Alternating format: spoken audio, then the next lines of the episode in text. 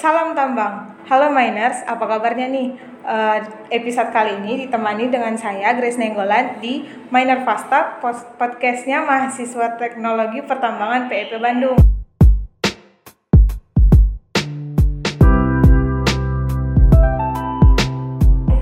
Uh, episode kali ini kita mengundang Pak Teddy. Apa kabarnya nih Pak? Alhamdulillah baik.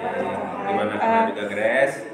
Puji Tuhan sehat Pak. Ya, jadi di sini kita ngundang salah satu yang menurut saya sosok yang mm, sangat berpengaruh untuk perkembangan PEP Bandung. Jadi untuk di awal nih Pak, saya mau nanya, Bapak boleh cerita nggak tentang latar belakang pendidikan Bapak sampai akhirnya saat ini menjadi Wakil Direktur 3 yang membimbing kami BEM BPM di PEP Bandung? Oke, terima kasih ya. Baik, uh, Grace, Uh, sebenarnya saya tidak memiliki latar belakang uh, pertambangan ya. Pertambangan itu saya dalami ketika menjadi inspektur tambang. Jadi mungkin kalau saya boleh cerita, saya S1-nya adalah kehutanan. Kehutanan dari Institut Pertanian Bogor. Saya itu mendapatkan beasiswa dari Kemdikbud Dikti, lanjut lagi di kehutanan juga. Di kehutanan juga di IPB. Lulus tahun 2010, ketika itu ada lowongan satu ya untuk sebagai analis dampak lingkungan di Direktorat Jenderal Minat Batubara ketika itu. Uh, ya sudah saya daftar, mungkin itu rezekinya saya, ya mungkin itu rezekinya saya dan akhirnya alhamdulillah saya keterima menjadi pegawai negeri sipil di Ditjen Minerba ESDM. Mungkin kenapa meminta latar belakangnya kehutanan karena mungkin teman-teman tahu ya uh, banyak sekali area pertambangan itu di lokasi kehutanan. Iya, Jadi secara umum uh, areal pertambangan itu ada dua, ada di lokasi pertambangan, apa ada di lokasi kehutanan, ada juga di lokasi APL namanya, area penggunaan lain. Jadi kalau yang sudah berlokasi di kehutanan itu mau tidak mau baik lagi ke hutan. Tapi kalau di area penggunaan lain itu bisa ke bentuk hutan dan juga bentuk-bentuk lainnya.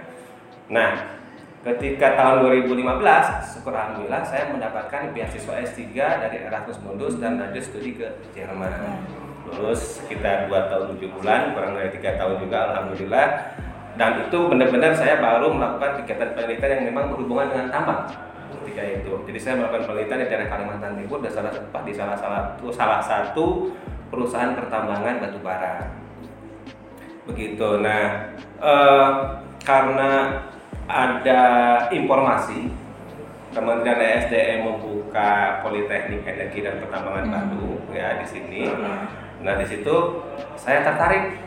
Tertarik untuk berpindah dari jabatan saya sebelumnya inspektur tambang menjadi dosen.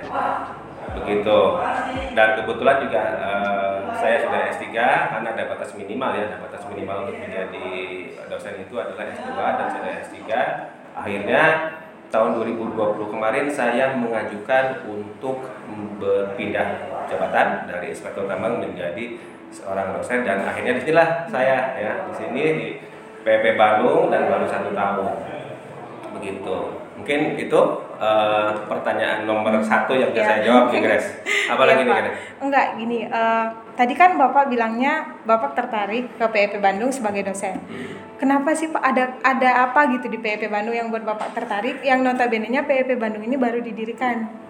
Gitu. Oh saya rasa ini malah cukup menantang bagi saya Kreska dari baru didirikan, ya. berarti kan mungkin saya bisa dianggap mudah-mudahan menjadi salah satu pionir yang bisa membesarkan. Uh, nah makanya juga ya. saya syukur alhamdulillah diberikan kepercayaan oleh kepala badan untuk menjabat sebagai wakil direktur tiga bidang ya. kemahasiswaan dan alumni dan juga di situ ada kerjasama dan mungkin juga karena saya mantan alumni dari Minerba itu uh. mungkin hubungan dengan perusahaan yang sangat banyak itu juga mungkin suatu dasar kenapa saya dijadikan uh, wakil direktur tiga bidang kemahasiswaan dan alumni. Dan sebenarnya itu ada kerjasama. Atau mungkin juga karena saya masih muda kali ya. Masih muda mungkin ya. Dan saya juga merasa muda iya. sebenarnya ya. Masih seumuran lah dengan kalian gak beda-beda jauh lah ya.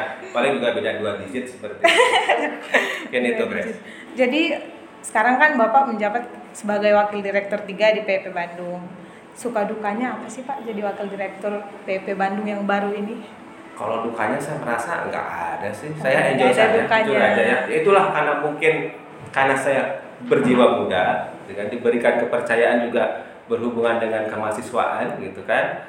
Ya saya rasa saya enjoy saja untuk menjalani menjadi wakil direktur bidang tiga apa eh, bidang kemahasiswaan dan alumni ini. Saya rasa saya tidak merasakan duka ya untuk saya. Karena dikerjakan dengan hati Iya, gitu dengan Pak. hati. Eh, Oke, jadi kan PEP Bandung ini baru dua tahun ya Pak. Hmm. Saya juga baru angkatan kedua. Eh, apa sih yang dilakukan PEP Bandung untuk bisa menarik minat alumni-alumni SMA dari luar untuk bisa masuk ke PEP Bandung ini yang di dalamnya teknik semua? Oke bagus Iya. ini pertanyaan yang sangat bagus dan memang kita sudah merancang ya eh, Grace dan teman-teman sebenarnya kalau tidak masa pandemi kita itu punya rencana untuk eh, mendatangi SMA SMA ya Iya. mungkin kalau yang di sekitaran Bandung Jawa Barat ini bisa lah ya didatangi oleh apa para pegawai PP-nya sendiri. Cuman kalau misalnya yang di luar wilayah ini kami itu sebenarnya berharap ke teman-teman ini sebenarnya. Hmm. Misalnya Grace nih dari SMA Negeri Sumatera Utara. Nanti suatu saat ketika ada libur atau apa, mungkin bisa berkunjung ya, berkunjung ke SMA-nya yang dulu, mungkin bawa poster atau apa, nanti ya menyampaikan ke kepala sekolahnya, nanti minta tolong mungkin dipasang di mading-madingnya mengenai penerimaan PP ini. Nah, salah satunya juga yang akan kita laksanakan, kita sudah berdiskusi dengan BEM dan sebagainya, kita akan melakukan kegiatan lomba cerdas cermat untuk seprovinsi Jawa Barat. Nah ini juga nanti kita akan minta bantuan ke Kepala Dinas Provinsi Jawa Barat ini untuk menyebarkan mengenai PRP ini. Saya yakin karena ini kan masa teknologi ya, saya yakin ada grup kepala sekolah seluruh eh, provinsi Jawa Barat. Nah nanti di situ kita akan minta tolong disebarkan eh, mengenai PRP ini, termasuk mengenai penerimaan mahasiswa baru Benar, begitu dan mudah-mudahan ini bisa dilaksanakan eh, tahun ini untuk yang itu oke Ya, baik Pak. Eh, untuk ke depannya ada nggak sih Pak rencana? Kita kan masih baru nih Pak, UKM juga belum ada. Kira-kira ke depannya bakalan ada UKM apa aja gitu Pak? ya saya rasa Rencana pasti UKM. akan kita bentuk lah ya seperti yang kemarin aja ketika saya ikut rapat ya ikut rapat wadir tiga seluruh politeknik Indonesia.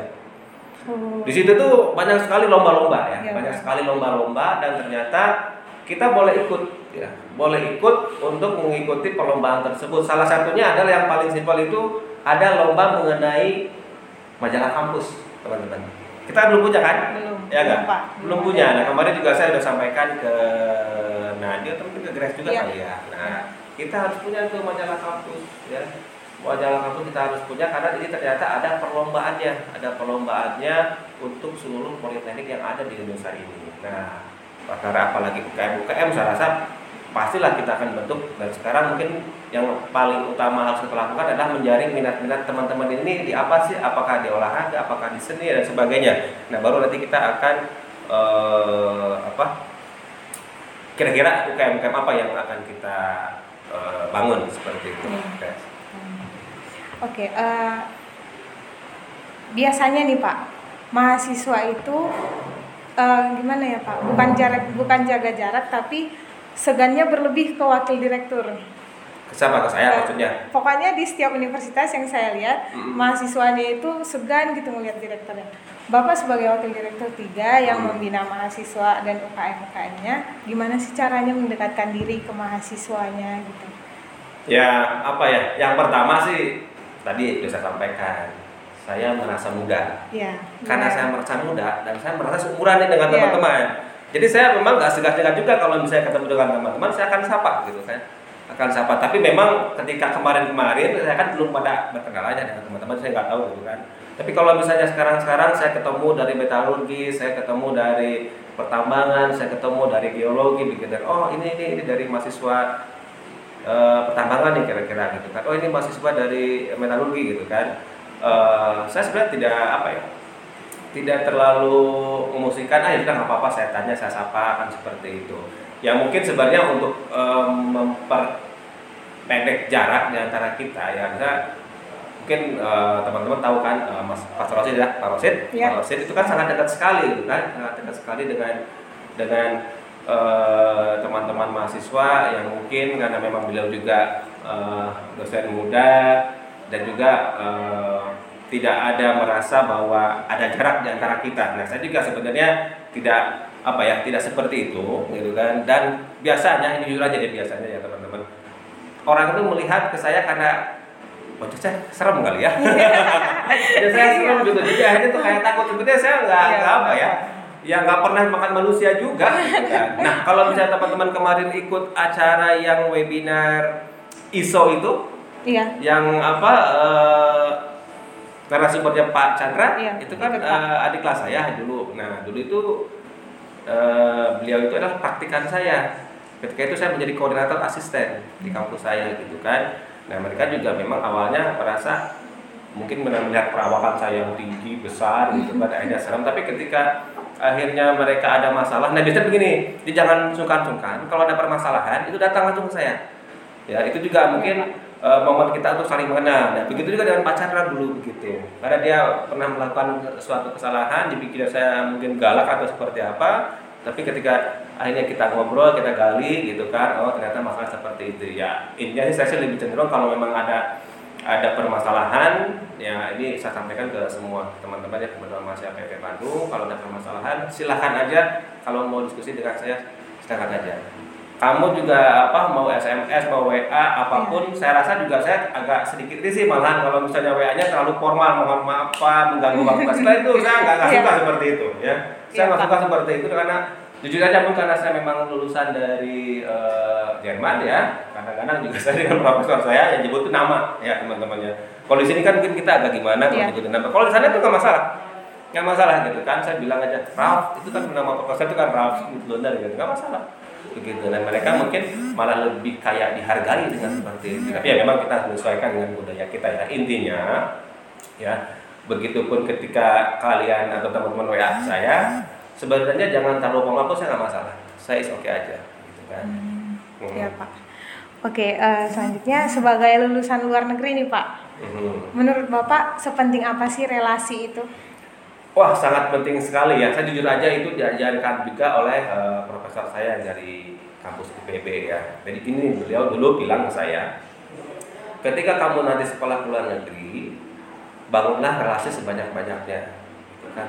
Terus ketika nanti mereka mengemail sesuatu ke kita, kita harus langsung jawab apa yang bisa saya bantu begitu karena biasanya orang luar negeri katanya kalau misalnya dia mengemail sesuatu halo tadi bla bla bla bla bla dengan seperti itu itu ada kemungkinan beliau ini atau mereka ini ingin melakukan kegiatan atau proyek di mana pun gitu Ingin kan. bekerja sama. iya gitu nah kalau saya pahami saya lihat ya ya mungkin ya kita mau tidak mau ya ketika nanti ada relasi kita yang dari jauh datang ke sini yang mau tidak mau kita harus menyempatkan waktu gitu ya waktu untuk menemani ke mana pun dia eh, ingin berkunjung gitu kan seperti itu nah biasanya nanti kalau sudah pulang mungkin merasa apa penerimaan kita sangat baik nanti biasanya nanti akhirnya itu eh, bagaimana kalau kita- membuat suatu proyek dan sebagainya akan seperti itu nah Begitu juga yang sudah kita dapatkan ya dengan Mireko, ya dengan Mireko Korea, ini salah satu juga organisasi di luar negeri. Dulu kita ya eh, Minerba ketika saya di Minerba, kita diundang ke Korea sana untuk mengikuti acara seminar internasional ya. Setelah saya pulang, saya memiliki feeling ini pasti saya akan di-email nih oleh Mireko gitu kan. Ternyata betul dia menanyakan awalnya dia menanyakan bagaimana kabar saya dan sebagainya tapi langsung langsung aja to the point. Ada yang bisa saya bantu saya bilang gitu kan. Nah dari bilang seperti itu alhamdulillah kita membuat apa memiliki proyek dengan Mireko itu mungkin sekitar berapa ya? Hampir 100 miliar kan ya. Hampir 100 miliar dan dibangun lab yang ada di sini nih teman-teman ya ada lab yang dibangun oleh Mireko itu. Itu puluhan miliar ya. Mudah-mudahan kita juga bisa apa bisa bekerja sama dengan Mereko dan Mereko mau membangun lab-lab dan saya bilang semua lab baik geologi pertambangan maupun eh, metalurgi. Tapi kita sedang bekerja nih sekarang. Dan bekerja bersama-sama untuk membuat proposal itu. Dampak relasi itu besar ya, Pak. gitu. Ya. Eh, kalau gitu ada nggak Pak tips dan trik untuk mahasiswa Mhm. bisa membangun relasi baik sesama mahasiswa atau ke dosennya atau mungkin ke teman-teman luar negerinya gitu Pak? Mhm. Oke, kalau misalnya sesama mahasiswanya ini saya rasa ya, eh, ya nama juga mahasiswa kan beragam ya, beragam dari segi ya kita mungkin dari segi suku agama dan sebagainya. Tapi yang paling penting ada dari segi kepintaran ya, ya enggak? Nah kadang-kadang nih, ini nih, mohon aja nih, yang merasa pintar itu biasanya tidak mau mungkin sedikit lebih bergaul dengan yang kayak biasa-biasa saja. Hmm. begitu. Nah makanya saya jujur aja ya, ketika saya mengajar saya selalu bilang kan kalau ada teman-temannya yang kesulitan ya ada yang kesulitan saya menyampaikan kan tolong didekati jangan ditinggalkan. Begitu. Saya dulu ketika kuliah kebetulan kita berkumpul satu kelas dan kita suka dijadikan eh, home base kalau misalnya untuk belajar bareng. Gitu kan. Jadi kalau misalnya eh, ada apa ya ada ujian atau apa kita sering ngumpul di apa di di apa di home base kita gitu kan. Nah itu eh, salah satu saya rasa apa ya kalau kita ingin dekat jangan merasa kita itu lebih hebat dari siapa pun. Karena menurut saya di atas langit masih ada langit. Begitu. Itu yang pertama ya.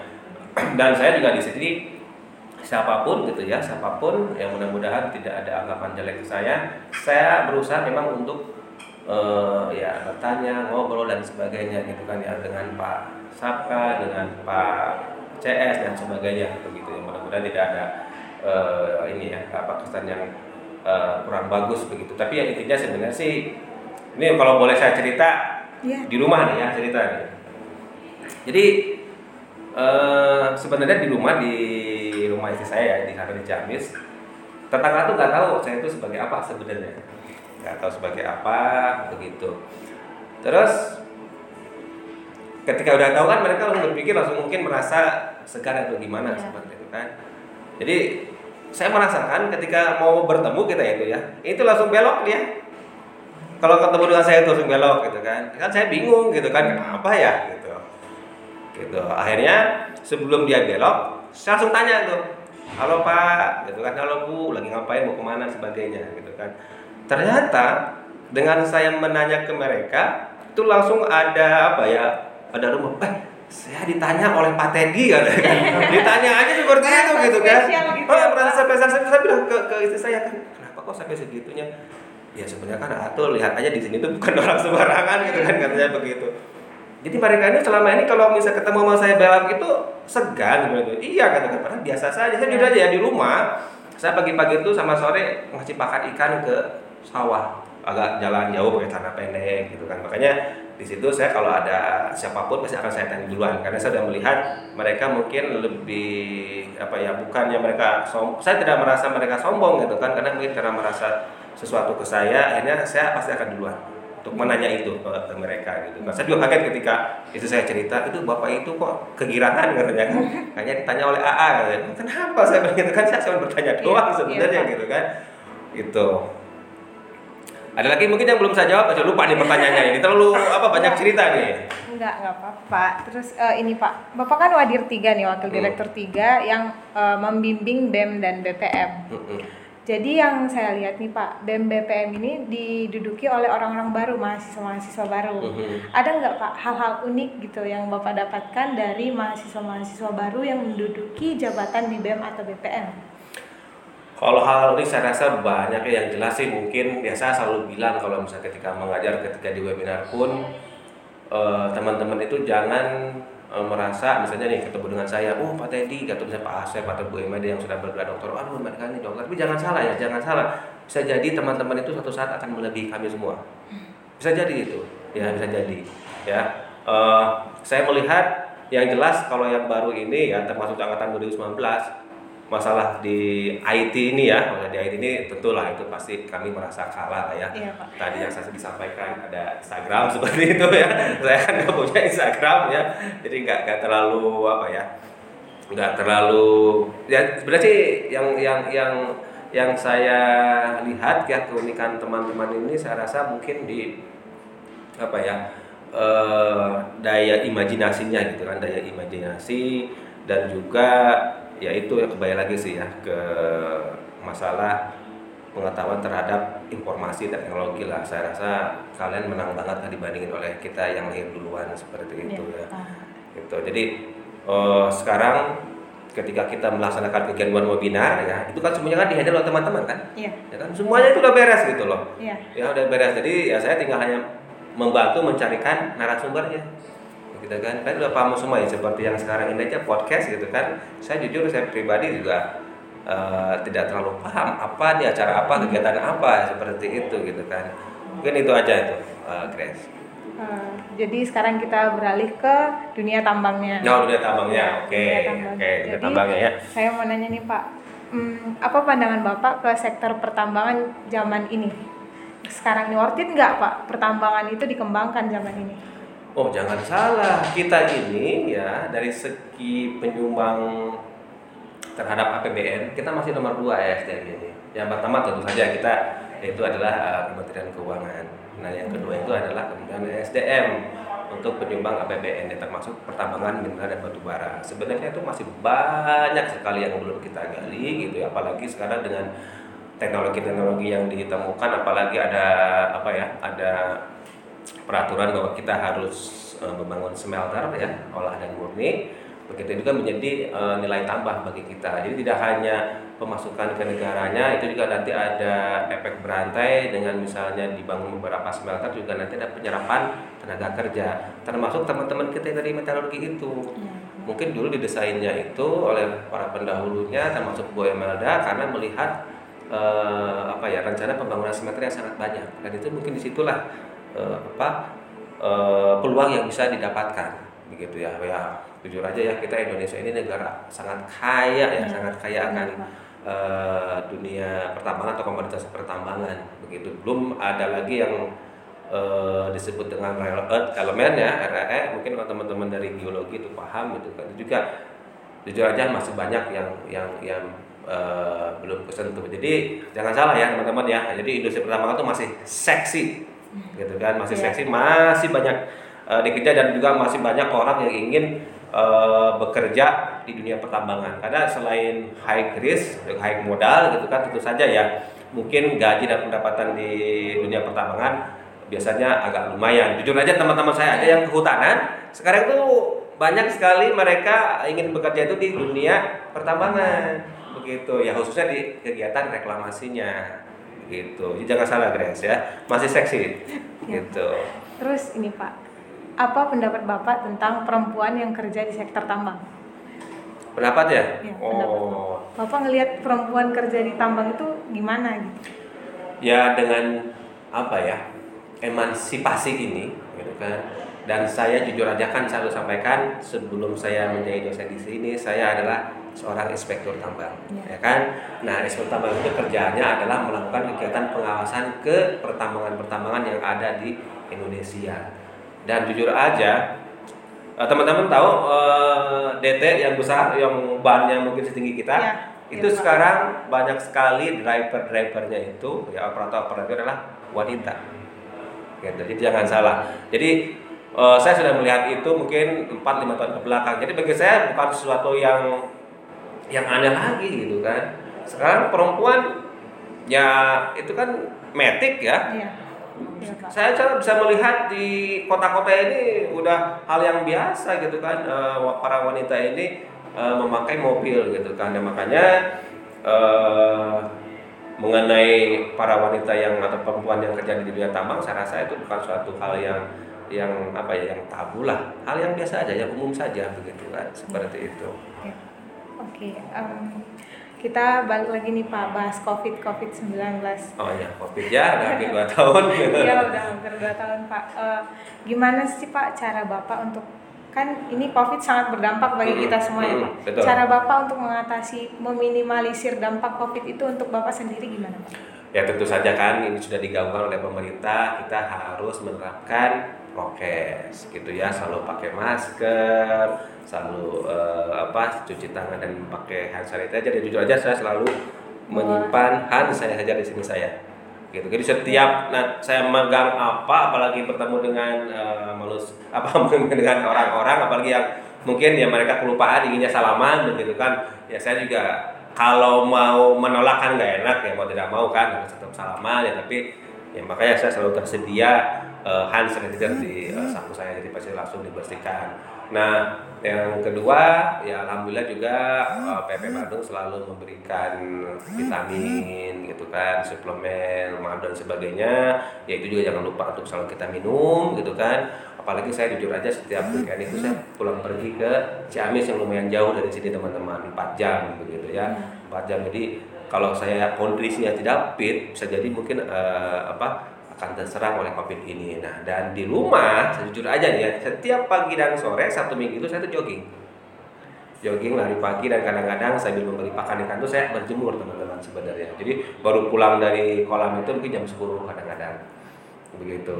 Jadi ya jangan lupa prokesnya, terus dia minum suplemen, vitamin sebagainya, dan yang paling penting juga saya rasa itulah olahraga ya. Olahraga, ya tapi yang olahraganya yang tidak berkerumunan, yang tidak uh, apa yang mungkin kontak dengan orang lain gitu ya. Nah, jogging ini uh, ya mungkin tidak banyak ya, tidak karena tidak banyak yang melakukan jogging di masa pandemi ini. Jadi saya memang selalu ya paling jaraknya 5 meter dan sebagainya seperti itu. Ya. Mudah-mudahan teman-teman juga melakukan seperti itu ya. Selalu jaga prokes, minum vitamin, suplemen dan juga jangan lupa uh, olahraga. Ya, baik Pak. Oke. Baik, sebelum menutup podcast kita hari ini nih, ada nggak Pak pesan dan kesan khusus untuk anak tambang yang baik yang akan masuk Mhm. maupun yang sudah terjun ke dunia pertambangan itu? Oke, baik ya mengenai pesan-pesannya. Nah, mungkin bagi adik-adik nih yang masih duduk di SMA, yang masih bingung ingin eh, bekerja di bidang apa nantinya, ya saya ingin menginformasikan bahwa Indonesia ini negara yang kaya eh, akan eh, sumber daya alam ya, termasuk salah satunya adalah komoditas tambang. Ya, kita punya batu bara, kita punya nikel, kita punya emas, kita punya timah, ya kita punya tembaga, punya perak, punya apa lagi ya di daerah Kalimantan Selatan tuh ada eh, seperti permata seperti itu ya. Jadi jangan khawatir untuk eh, apa eh, pekerjaan di dunia pertambangan ini sangat-sangat banyak dan sangat-sangat luas, apalagi di prodi pertambangan. Sebenarnya pertambangan itu artinya dari kegiatan awal eksplorasi sampai pasca tambang itu disebutnya kegiatan pertambangan. Ya, Begitu benar. sangat luas termasuk Iya. pengolahan dan pemurnian ya yang tadi disebutkan uh, smelter itu. Nah berhubungan dengan smelter ini uh, pemerintah kita uh, sudah berpikir ke depan perlunya untuk mengolah sumber daya alam kita uh, sebelum dijual ke luar negeri. Nah sekarang banyak bermunculan sekali smelter smelter ini dan mungkin juga akan sangat banyak banget ya. pekerjaan-pekerjaan yang berhubungan dengan uh, smelter ini. Uh, itu mungkin bagi adik-adik uh, SMA yang nanti akan masuk ke dunia pertambangan. Nah, bagi teman-teman yang sudah menjadi mahasiswa nih ya, ini ada hal yang ingin saya sampaikan yang kemarin kita dapatkan ketika kita mengikuti diklat pekerti dari teman-teman UPI. Jadi eh, mau tidak mau, sekarang kan satu-satunya udah mahasiswa mahasiswi ya, Iya. mau tidak mau dalam dunia pekerjaan ini sekarang apalagi di Indonesia yang namanya IPK itu sangat eh, menjadi prioritas utama ya, sangat menjadi prioritas utama ketika kita akan melamar suatu pekerjaan ya, baik di dunia pertambangan, apalagi eh, di dunia pemerintahan. Nah sekarang itu kan sistemnya udah sistem online semua, jadi kalau misalnya kita penerimaannya adalah 2,75, IPK kita 2,7499, nah itu udah otomatis langsung terdelat itu. Iya, Pak. Makanya mau tidak mau sekarang adalah belajar sebaik-baiknya ya supaya mendapatkan IPK yang bagus. Tapi ya sebenarnya bagi nanti kita ingin survive tidak di dunia kerja, nah ini ada apa ya? Ada kayak eh, hasil survei dari Amerika bahwa yang sangat menentukan orang itu nanti bisa beradaptasi atau bisa kadernya cemerlang atau tidak di dunia kerja itu sebenarnya yang pertama adalah kerjasama, yang kedua adalah komunikasi, dan yang ketiga adalah eh, kejujuran. Nah, IPK sendiri sebenarnya itu ada di peringkat 17 sebenarnya ya. Tapi yang mau tidak mau ya, mau tidak mau itu tetap kita harus penuhin karena di Indonesia IPK sendiri menjadi prasyarat ketika kita ingin melamar eh, pekerjaan. Nah, makanya pesan saya belajarlah sebaik-baiknya ya karena saya rasa hal yang tidak bisa dibeli lagi itu adalah waktu. Iya, benar, Ya, Pak. waktu ya. Waktu itu sudah tidak bisa dibeli lagi. Jadi ketika kita sudah melewati waktu itu ya waktu ketika teman-teman menjadi satu mahasiswa atau mahasiswi ini ya sudah akan lewat. Jadi ketika kita mendapatkan hasil yang kurang bagus itu akan sangat-sangat sulit untuk diulang. Iya, benar. Mungkin itu saja ya pesan dan kesan eh, pesan-pesan untuk eh, teman-teman calon mahasiswa dan juga mahasiswa eh, yang sudah eh, di pertambangan Ya, ini. baik. Terima kasih Pak. Eh, untuk menutup podcast kita kali ini. Sebelum menutup podcast kita, kita punya ini Pak Cendramata Oh. khusus dari HMTP buat Pak Teddy Oke, terima yang sudah kasih. berkenan jadi eh, tamu di podcast kami kali ini. Oke, terima kasih. Iya. Ini jujur aja ya ini podcast pertama. Iya. podcast Pak. pertama bagi saya. Oke, Manner Fasta. Iya, benar Pak. Oke. Oke. Nggak kerasa nih teman-teman udah berakhir aja nih podcast kita kali ini. Eh, stay tune untuk podcast selanjutnya. Salam tambang, maju tambang, jaya HMTP.